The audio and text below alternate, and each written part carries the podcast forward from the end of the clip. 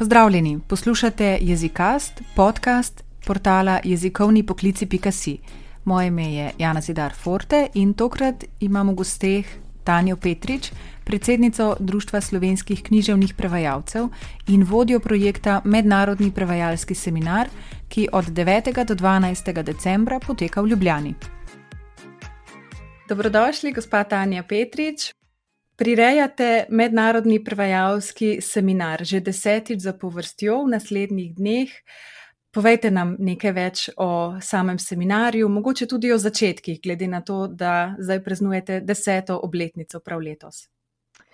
Ja, jaz sem pravzaprav um, že od vsega začetka pri organizaciji teh seminarjev zraven. Seminarji so se uh, začeli leta 2010 z žal enoletnim premorom, zato je letos deseta obletnica in ne recimo enajsta. Leta 2012, ko se je vmes tudi za en zelo kratek čas celo ukinila javna agencija za knjigo. Eh, če se spomnite, takrat pač in tudi, ko so sredstva bila zelo, zelo okrnjena. Uh, v tistem letu se seminar žal ni izvajal, se pa je potem vsa nadaljna leta do leta 2020, pa torej začel 2010 in 2011. Tako da takrat uh, se nekako v okviru javne agencije za knjigo, takrat uh, še mlade institucije, um, porodila uh, pri Komisiji za mednarodno sodelovanje in promocijo slovenske uh, književnosti uh, ideja o ustanovitvi um, nekega aktivnega podpornega mehanizma, eh, če lahko zelo tehnično rečem, za spodbujanje prevodov slovenske književnosti. In ker predvsem prevajalci eh, za manjše jezike, za jezike, ki nimajo toliko govorcev, veljajo eh, za ključne osebnosti, ključne pri v bistvu predlogih in promociji in nekem aktivnem agentstvu, če lahko tako rečem, kar zadeva slovensko književnost oziroma pre, predlaganje slovenske, torej slovenskih avtorjev in um, slovenskih del tuji javnosti, torej ciljni, ciljni publiki jez, držav in jezikovnih območij, uh, okoli iz katerih prevajalci prihajajo. Je nekako bilo. Je bila nekako ta poteza logična. Uh, sicer uh, obstaja veliko različnih, ali pa bilo je že prej kar nekaj no, uh, prevajalskih delavnic, veliko jih je bilo usmerjeno predvsem v prevajanje poezije. Tukaj pa se je nekako, so se takrat odločali na komisiji, da bi mogoče to delavnico, te seminarje zastavili prvič nekoliko širše, v smislu, tega, da bi vključevali tudi uh, razna predavanja na temo slovenske književnosti, uh, slovenske mladinske književnosti, pa potem tudi na razno razne teme, ki so povezane z slovensko knjigo in slovensko kulturo nasploh.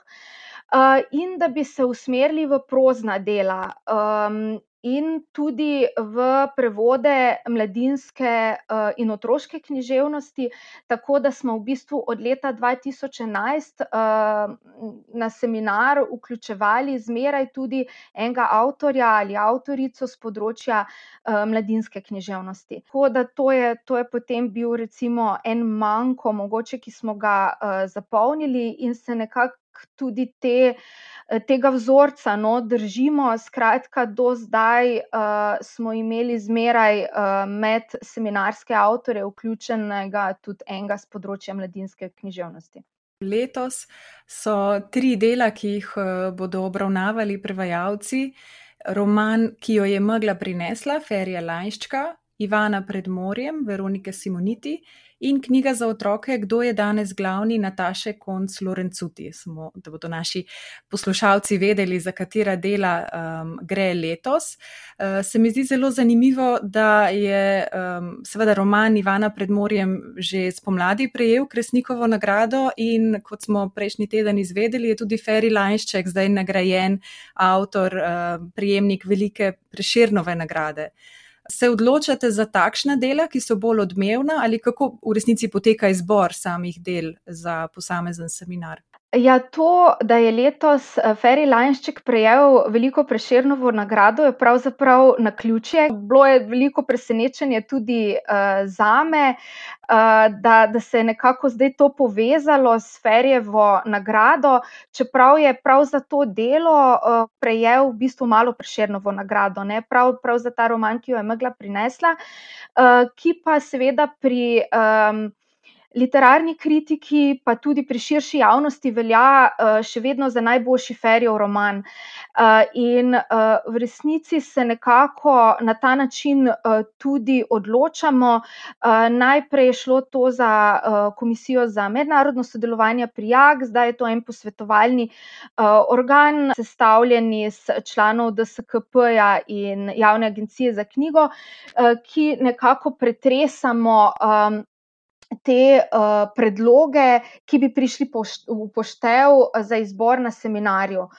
In seveda, um, mislim, dela, ki so vidna, ki so opazna v javnosti, uh, vsi, uh, ki se s tem, ki to pretresamo, uh, vsebinsko, seveda tudi beremo. Um, odzive, uh, spremljamo uh, v bistvu literarno javnost uh, in se na podlagi tega in uh, kvalitete del, seveda, odločamo, uh, kaj bi vključili. Poleg tega je pa zdaj.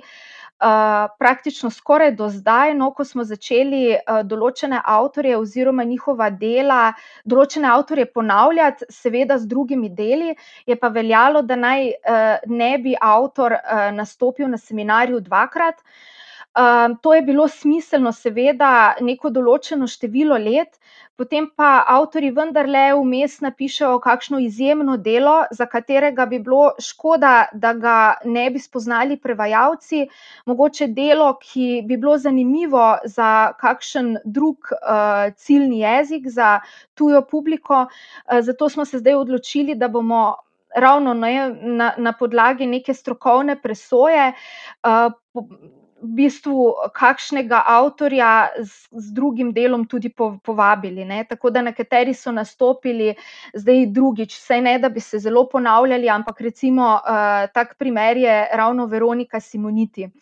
Um, ki je bila uh, že enkrat uh, gostja seminarja pred leti s kratkimi zgodbami, uh, zdaj uh, pa je v fokusu torej, uh, s Kresnikom nagrajeni roman uh, Ivana pred morjem. Vsakič uh, torej, verjetno izberete um, odlomke.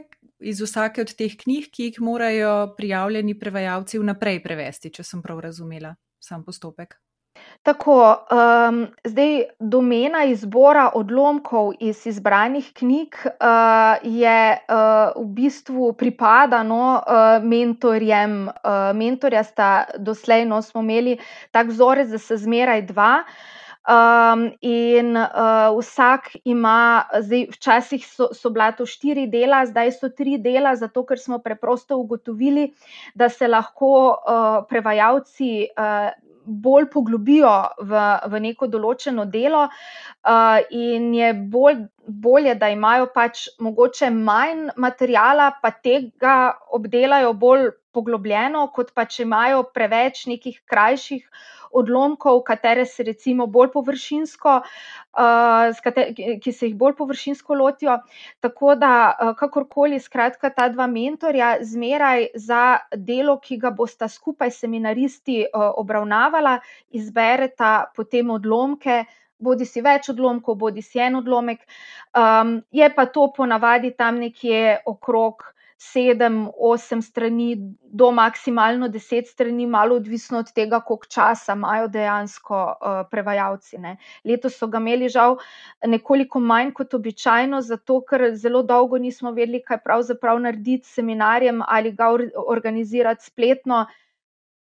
Eh, organizirati seminar, sploh take vrste seminar, kjer je pomembno tudi druženje, mreženje, kjer je pomembno spoznavanje nekega določenega segmenta slovenske kulturne pokrajine, pa konec koncev tudi ogledi, eh, ki so povezani recimo z, z organizacijo ekskurzij, izletov, je, je pač ne nadomestljivno na, na spletu. Ne. Letošnji mentorici delavnic sta dr. Đurđa Strsoglavec in dr. Barbara Pregel, ki smo jo povprašali, kako se bo odvijalo praktično delo s prevajalci. Torej, ta praktični del je zasnovan predvsem dialoško. Eh, ne gre zdaj za seveda neko predavanje, kjer jaz eh, svojo modrost izlijem, pač pa za neko izmenjavo mnen. Eh, odlomki, ki sem jih zbrala, so tako zasnovani, da nekako omogočajo nek dialog, da predstavljajo neke prevajalske težave, da v bistvu predstavljajo neke medkulturne reference, za katere me bo zelo zanimalo, kako v resnici jih bodo kolegice in kolegi skušali prenesti v svoj, v svoj jezik. Jaz v bistvu bom uh, imela delavnico povezano z mladinsko književnostjo. Uh, z mladinsko književnostjo se v zadnjem času res veliko, veliko ukvarjam uh, in se mi zdi, da je v bistvu pač zelo pomembno, da mogoče vse neke stvari izpostavim. Predvsem, um, seveda, pri mladinski književnosti ne gre toliko za neke zelo težke prevajalske kleče, kot bolj za nek, neko v bistvu pač specifično publiko, ki seveda so ji ta besedila namenjena. Ne? In uh, moj izbor, pač povezan z, uh, z besedilom uh, Nataše Konc-Lorencuti, kdo je danes glavni, um, seveda ne pač upošteva vse te vidike, se pravi, v bistvu ciljno publiko, neke medkulturne, recimo, povezave, pa hkrati v bistvu tudi neke prevajalske kleče, kjer bo treba mogoče mal domiselno uh, se lotiti stvari, ampak predvsem. Gre tudi za uporabo humorja, ne, kako prevajamo humor, katerih postopkov se torej, uh, kateri so tisti postopki, ki nekako najbolj uh, učinkovito prenesejo sporočilo iz enega jezika, pa tudi drugega. Ne. Tako da v resnici z Džužo se nismo prav posvetovali, uh, smo pa razdelili pač besedila in v bistvu pač Džuža je nekako izbrala tiste odlomke, ki so se njej zdeli najbolj pač reprezentativni, jaz svoje uh, in tudi um, mogoče. Mislim, jaz nekako skušam tudi potem z nekim načinom dela, tudi mogoče malo um, osvetliti ta mal, mal bolj, bi rekla, igrivi način um, dela. V bistvu, mislim, torej, uh, torej, igrivi način, ki ga, v bistvu je, ki ga predstavljajo sama besedila, tudi na tak način, da v bistvu se z njimi mali gram. No. Zdaj, ne bom preveč razkrila, ampak približno tako, no, da ne bomo preveč, um, preveč strogi, preveč znanstveni, preveč uh, samouporabni, pa bomo skušali v bistvu tudi z besedilom se igrati na take in drugačne načine. V vsaki knjigi bo namenjena ena delavnica. S tem, da bomo v moji pač delavnici predstavili tudi uh, belo knjigo in tudi to bomo naredili na en tak mal bolj uh, igriv način. Uh, nekateri kolegi, ki so bili že na prejšnjih delavnicah, belo knjigo poznajo, ampak zelo se veselim, da bom med uh, 21, pač, ki so letos prijavljeni, tudi veliko, veliko takih, ki, be, ki bele knjige še ne poznajo in jih bodo tokrat prvič spoznali. Sem uh, so dejansko prevajalci, ki se ukvarjajo z literaturo za odrasle, oziroma pač splošno literaturo. Tako da v bistvu zato pač je moje, bi rekla, moj način dela nekako povezan s to. S poudarjanjem uh, tega pač specifičnega naslovnika, ki ga seveda predstavlja otrok. Ne. Pa moje izkušnje lansko letni so takšne, da se bomo pravzaprav pogovarjali o teh um, mestih v prevodu, ki znajo biti problematična. Uh, in v bistvu to pač ni samo torej problematične iz različnih vidikov. Uh, in potem bomo pač lani, recimo, smo se pač pogovarjali o tem, kako so neke reševali. Uh, zelo pomembno je tudi, da oni med sabo si izmenjujejo izkušnje, da, si, da, si, da se nekako tudi obogatijo s tem, da nekako uh, sugerirajo drug drugemu, kaj, kaj bi lahko naredili. Uh, in to se mi zdi, to se meni zdi, mislim, uh, za me je to res izjemna, izjemna izkušnja. No. Za razliko od uh, več drugih, v bistvu pač. Uh, seminarjev prevajalskih, kjer sem bila tudi mentorica in kjer smo recimo prevajali v en jezik, ne, je ta izkušnja eh, res hm, čist drugačna. Ne. Preprosto zaradi tega, ker so ciljni jeziki tako raznovrstni, ne. so slovanski jeziki, romanski, germanski. Ne. Tehnično bo to izgledalo tako, da bomo najprej pač imeli uh, uvodoma uh, najprej skupaj, potem se bomo razdelili, uh, zato sem ravno posredovala že nekaj navodila, ker bi rada, da v bistvu to monotonijo tega bi rekla, spletnega no, pač dogajanja, ki zna biti zelo, pa še po tolikšnem številu pač udeležencev, zna biti zelo monotono. Ne. Uh, sem razdelila, to sem uh, skušala nekako razdrobiti s temi svojimi navodili. Um, in potem sem tudi, bomo pač naredili več skupin in bomo potem po skupinah tudi se torej nekaj časa delali, zelo na kratko in potem se spet združili. In potem, ne na zadnje, bomo imeli tudi možnost govoriti z avtorico, česar se tudi veselim. ker ji bodo prevajalke in prevajalci lahko posredovali svoje vprašanja, svoje dvome. Mislim, po eni strani so ti spletni seminari zdaj krasni, ker v bistvu lahko dejansko sodelujejo ljudje z, z vsega sveta. Po drugi strani je pa v bistvu ta pač čas na seminarju res izredno, izredno dragocen, ampak hkrati v bistvu bo umanjkal tisti del, ki je druženje, ki je klepetanje, ki je spoznavanje, ki je v bistvu pač uh, bi rekla, spoznavanje teh medkulturnih razlik, ne, ki nekako se nekako odpre na teh seminarjih, potem se pa nadaljuje še naprej. Ne. Tako da mislim, da ta del bo malo manjkal, ampak moje izkušnje s temi, pač, s temi prevajalskimi delavnicami so pa vendar tudi takšne, da v resnici ne gre samo za to druženje, ki je omejeno, ampak gre za v bistvu potem tudi eno navezovanje nekih stikov, ki se ohranijo. In to, tega se tudi zelo, zelo veselim. Ampak kljub spletni izvedbi se zdi, da program nikakor ni okrnjen, tako ta praktični del z delavnicami, kot tudi strokovna predavanja in program za javnost. Uh, ja, v, v tem strokovnem segmentu program ni res, pravzaprav nismo niti, niti enega, recimo, niti ene strokovne priložnosti no, spustili. V bistvu je program zelo podoben v smislu urnika, kot je bil pač uh, prejšnja leta. Torej, nismo se odpovedali temu strokovnemu delu, to se pravi delavnicam, ki, izvajata, uh, ki jih izvajata obe mentorici, nismo se odpovedali vključevanju avtorjev na delavnice, ki se bodo pač tokrat um, vključevali po Zumu, nismo se odpovedali uh, strokovnim predavanjem, uh, ki bodo na temo sodobne slovenske. Um, literature za odrasle in uh, za mladino, pa tudi uh, na temo um, slovenskega založništva oziroma slovenske knjižne pokrajine. In seveda izvedli bomo tudi literarne pogovore z izbranimi avtorji, ki smo jih pač posneli vnaprej in to celo nekoliko drugače kot običajne pogovore, ne bodo potekali po Zumu, ampak smo jih dejansko posneli eh, na različnih lokacijah ki so nekako povezane bodi si z avtorji, bodi si z vsebino del, tako da smo potovali od Murske sobote do Izole, tako rekoč, uh, za avtorji in upam, da bo uh, izdelek zanimiv, no, tudi prevajalcem, pa seveda tudi širši javnosti, ker bomo seveda vse te videe tudi javno objavili na naših uh, spletnih kanalih in potem tudi uh, na uh, arhivu naše spletne strani. Med udeleženci imate pa letos kar 21 prevajalcev iz 17 različnih držav. Ja, res je. Če sem prav štela, jih je, mislim, vem, da jih je 21, če sem prav štela, jih je iz 17 držav, ker nekateri, uh, nekaterih z ene države jih je več. No, uh, to se pač tudi veliko krat zgodi, da se mogoče kakšni. Kakšne, da so kakšni manjši jezikovni otoki, pač se prijavi, recimo, več prevajalcev, ki imajo pa v bistvu vsi močne reference, ne, in, in se potem pač sprejme prevajalce z istih jezikovnih okolij, tudi do tri, včas, celo do petih je bilo včasih. Uh, tako da zato je jezikov manj, kot je dejansko udeležencev. Uh, in ja, to je zdaj en tak eksperiment. Um, obe mentorici, ki ste jih omenili, dr. Đorđa Strsoglavec in dr. Barbara Pregl, uh, sta bili sami za to, da povabimo vse uh, seminariste oziroma pač prijavljen, prijavljene udeležence, prijavljene kandidate. Uh, Um, namreč moram reči prvič, da se je letos prijavila uh, pravzaprav zelo, zelo močna skupina.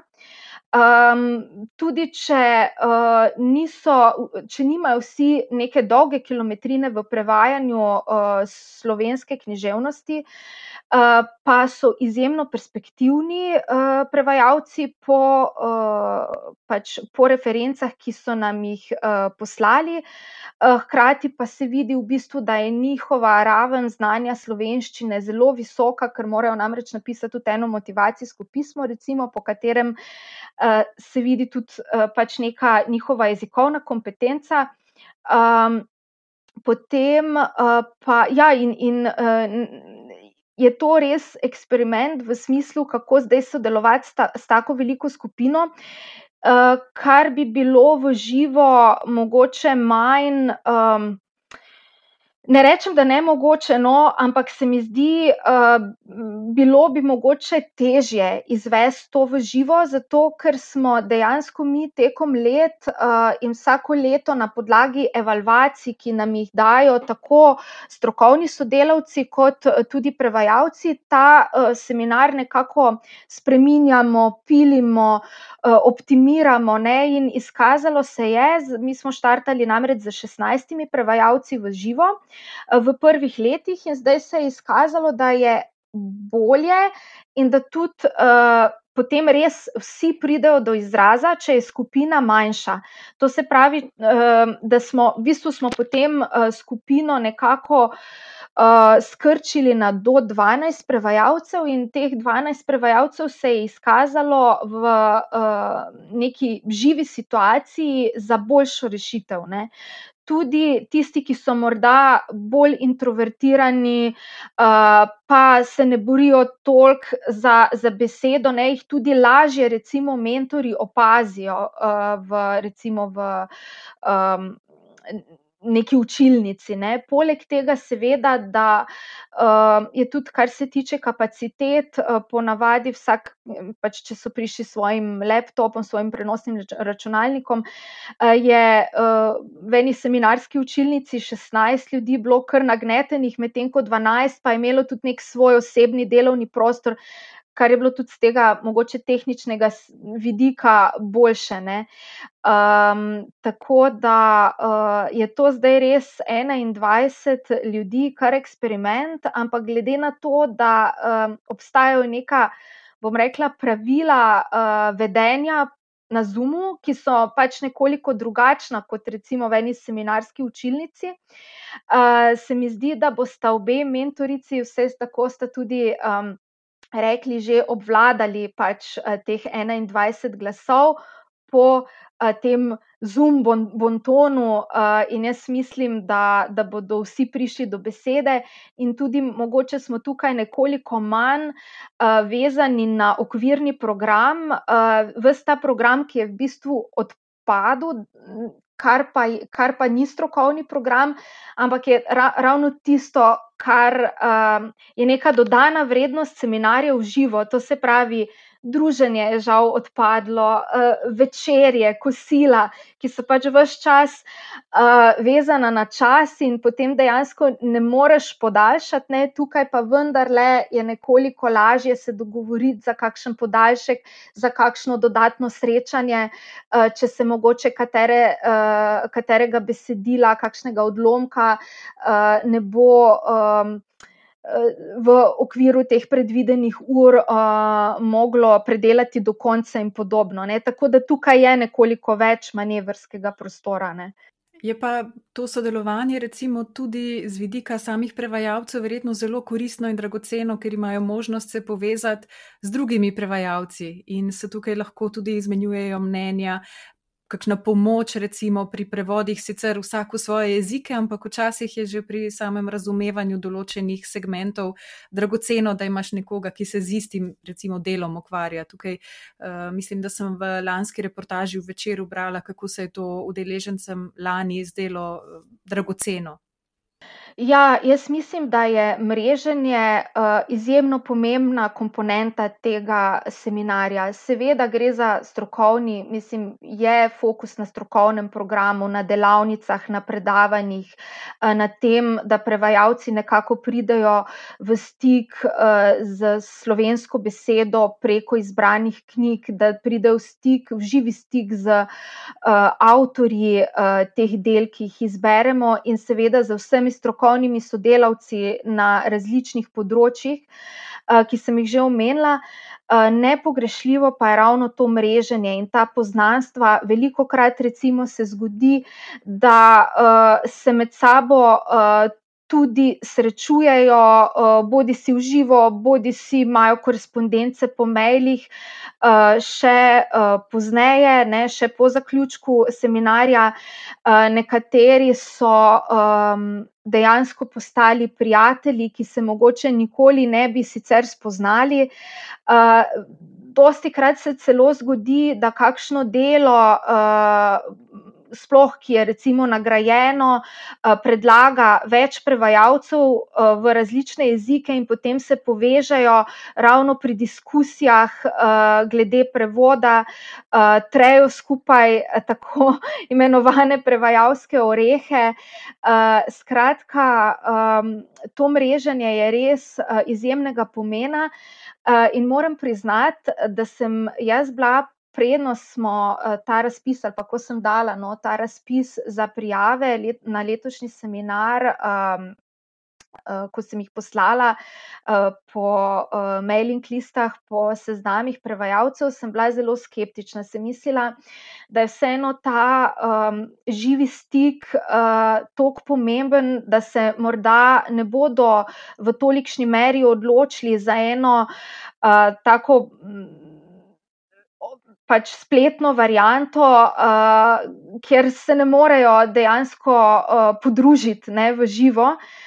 In sem bila potem, ko sem kar naenkrat, sploh v zadnjih treh dneh pač dobila glavnino prijav, izjemno presenečena. Nisem vedela, da v bistvu ta da jim ta stik tudi, tudi tem, ki so dejansko redni obiskovalci naših seminarjev, tako zelo pomeni, da so dejansko pripravljeni, no, tudi od srede do sobote, torej v bistvu praktično skoraj polne štiri dni sedeti za računalnikom in za Zoomom in ja, pač delati, prevajati, raziskovati in se pogovarjati o prevajalskih problemih, tako da sem v bistvu bila presenečena in izjemno ponosna, ker si to štejem, mislim, da tudi z vsemi soorganizatorji, idejnimi vodji, za nekakšno pohvalo tem seminarjem, ki smo jih do zdaj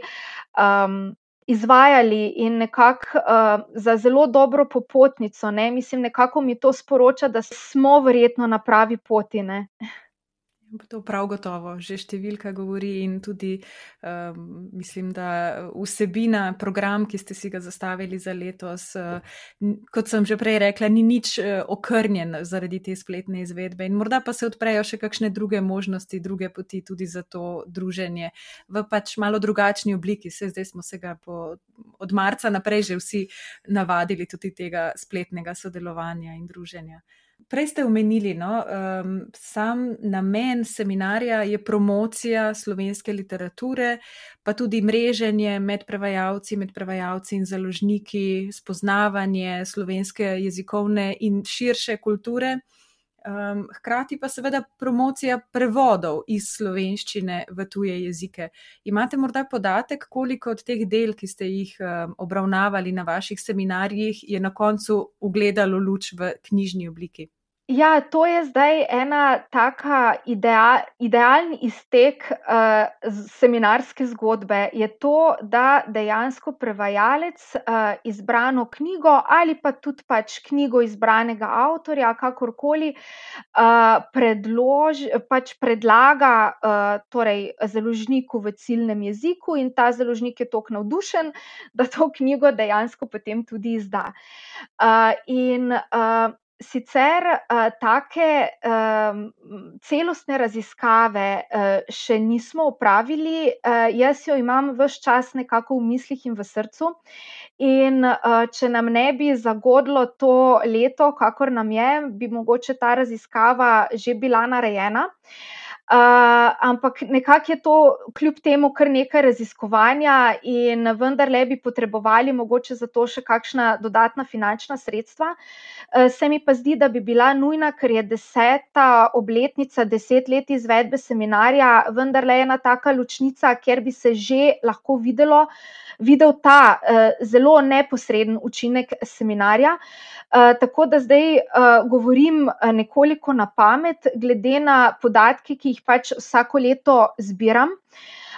namreč eno delno tako krajšo raziskavo sem naredila za zdaj prav to aktualno številko revije Otrok in knjiga, uh, kjer sem uh, pregledala izide mladinske uh, književnosti in sem ugotovila, da je kar nekaj knjig neposredno ali pa posredno no, nekako se prevajalo od izbranih knjig. Ne. Tukaj recimo imamo Modrost nilskih konjev, ki bo pravkar išla v češčini Petra Svetine in Petr Svetina je ravno um, leta 2013, če se ne motim, nastopil na seminarju prav s to knjigo.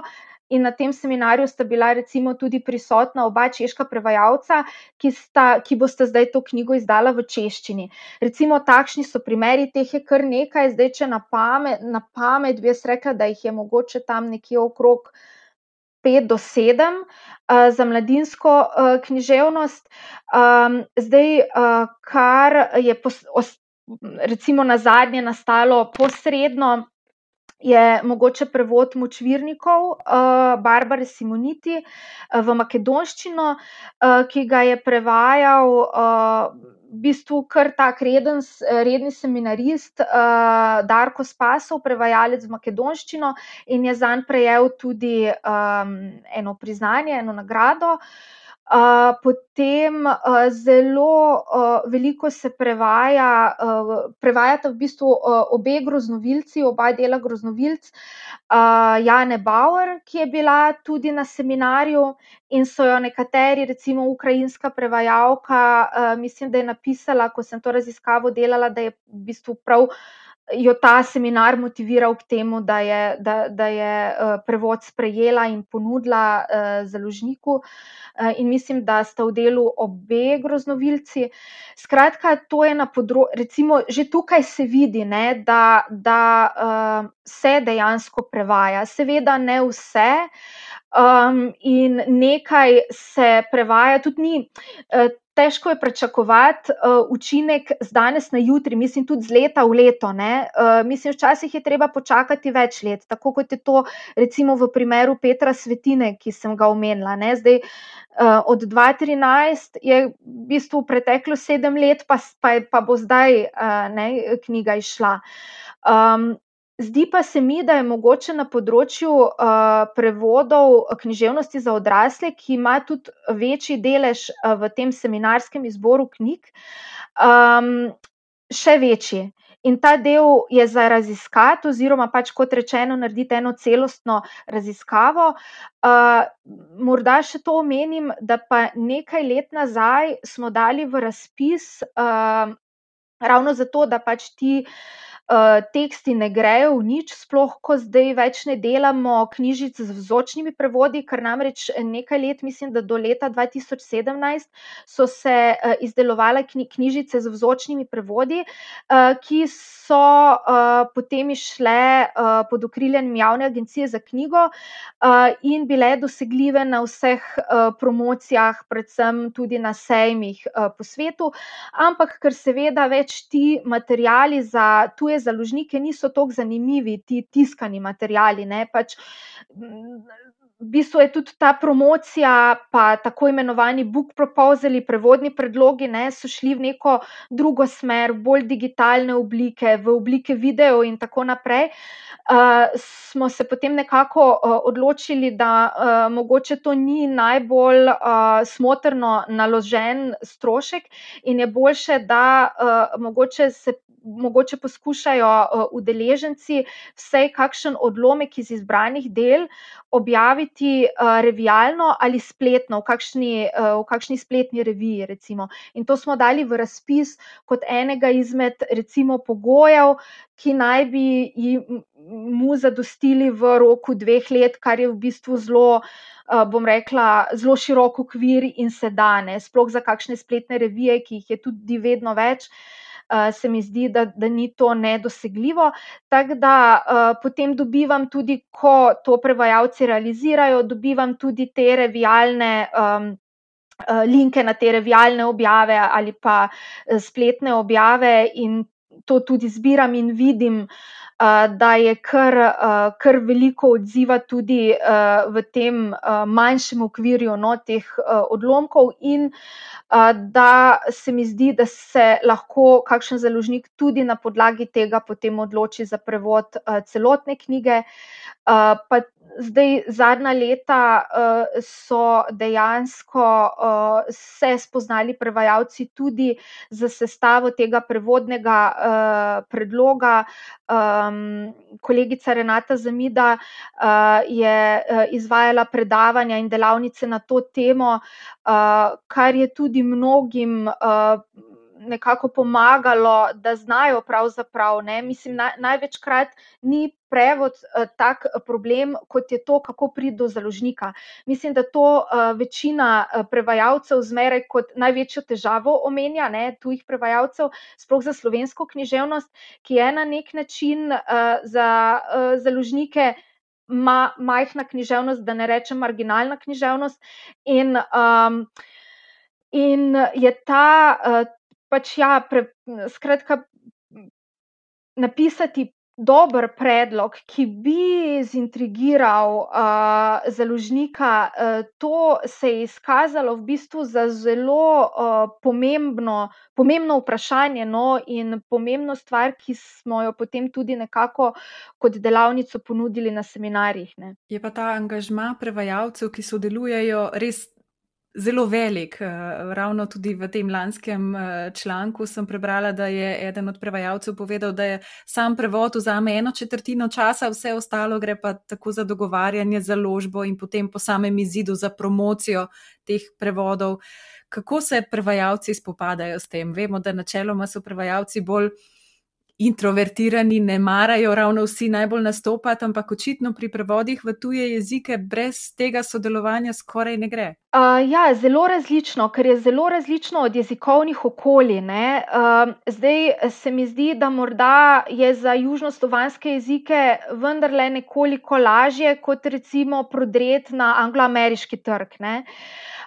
tako da tukaj ni neke, neke formule, predvsem, kar je važno, ne, in kar v bistvu tudi sama velikokrat rečem prevajalcem, ker konec koncev imamo prevajalci, ki prevajamo iz tujega jezika v slovenščino, jaz recimo prevajam iz nemščine, zelo podobno funkcijo na, na neki način pri nas, ne, zdaj ne vem, kako je sicer z angleščino, ko vseeno, bom rekla, je bolj bestsellerska kultura pa pač prej pride kaj do založnikov, je tudi jezik, ki ga pač večina obvlada, ne.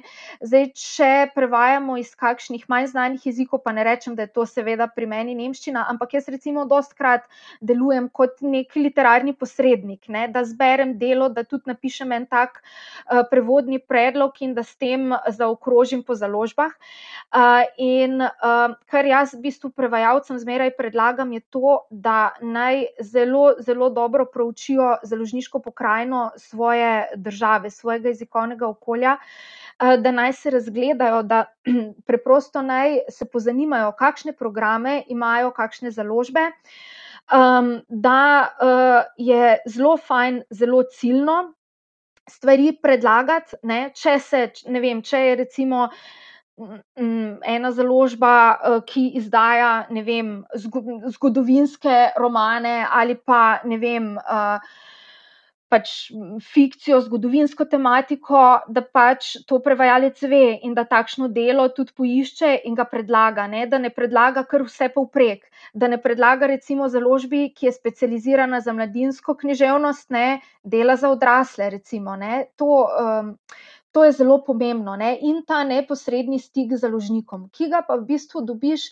z nenehnim spremljanjem področja in tudi konec koncev z branjem lastne literature, pač literature, ki je napisana v vsakokratnem maternem jeziku, in z obiskovanjem sejmov, dogodkov, razumem, da so prevajalci bolj introvertirani, ampak mislim, da žal se ta naša založniška pokrajina toliko spreminja, pa mislim, da ne samo v Sloveniji, ampak tudi na neki evropski, svetovni ravni, da mogoče prevajanje za štirimi stenami ni dovolj, ali pa bom rekla, je vedno manj.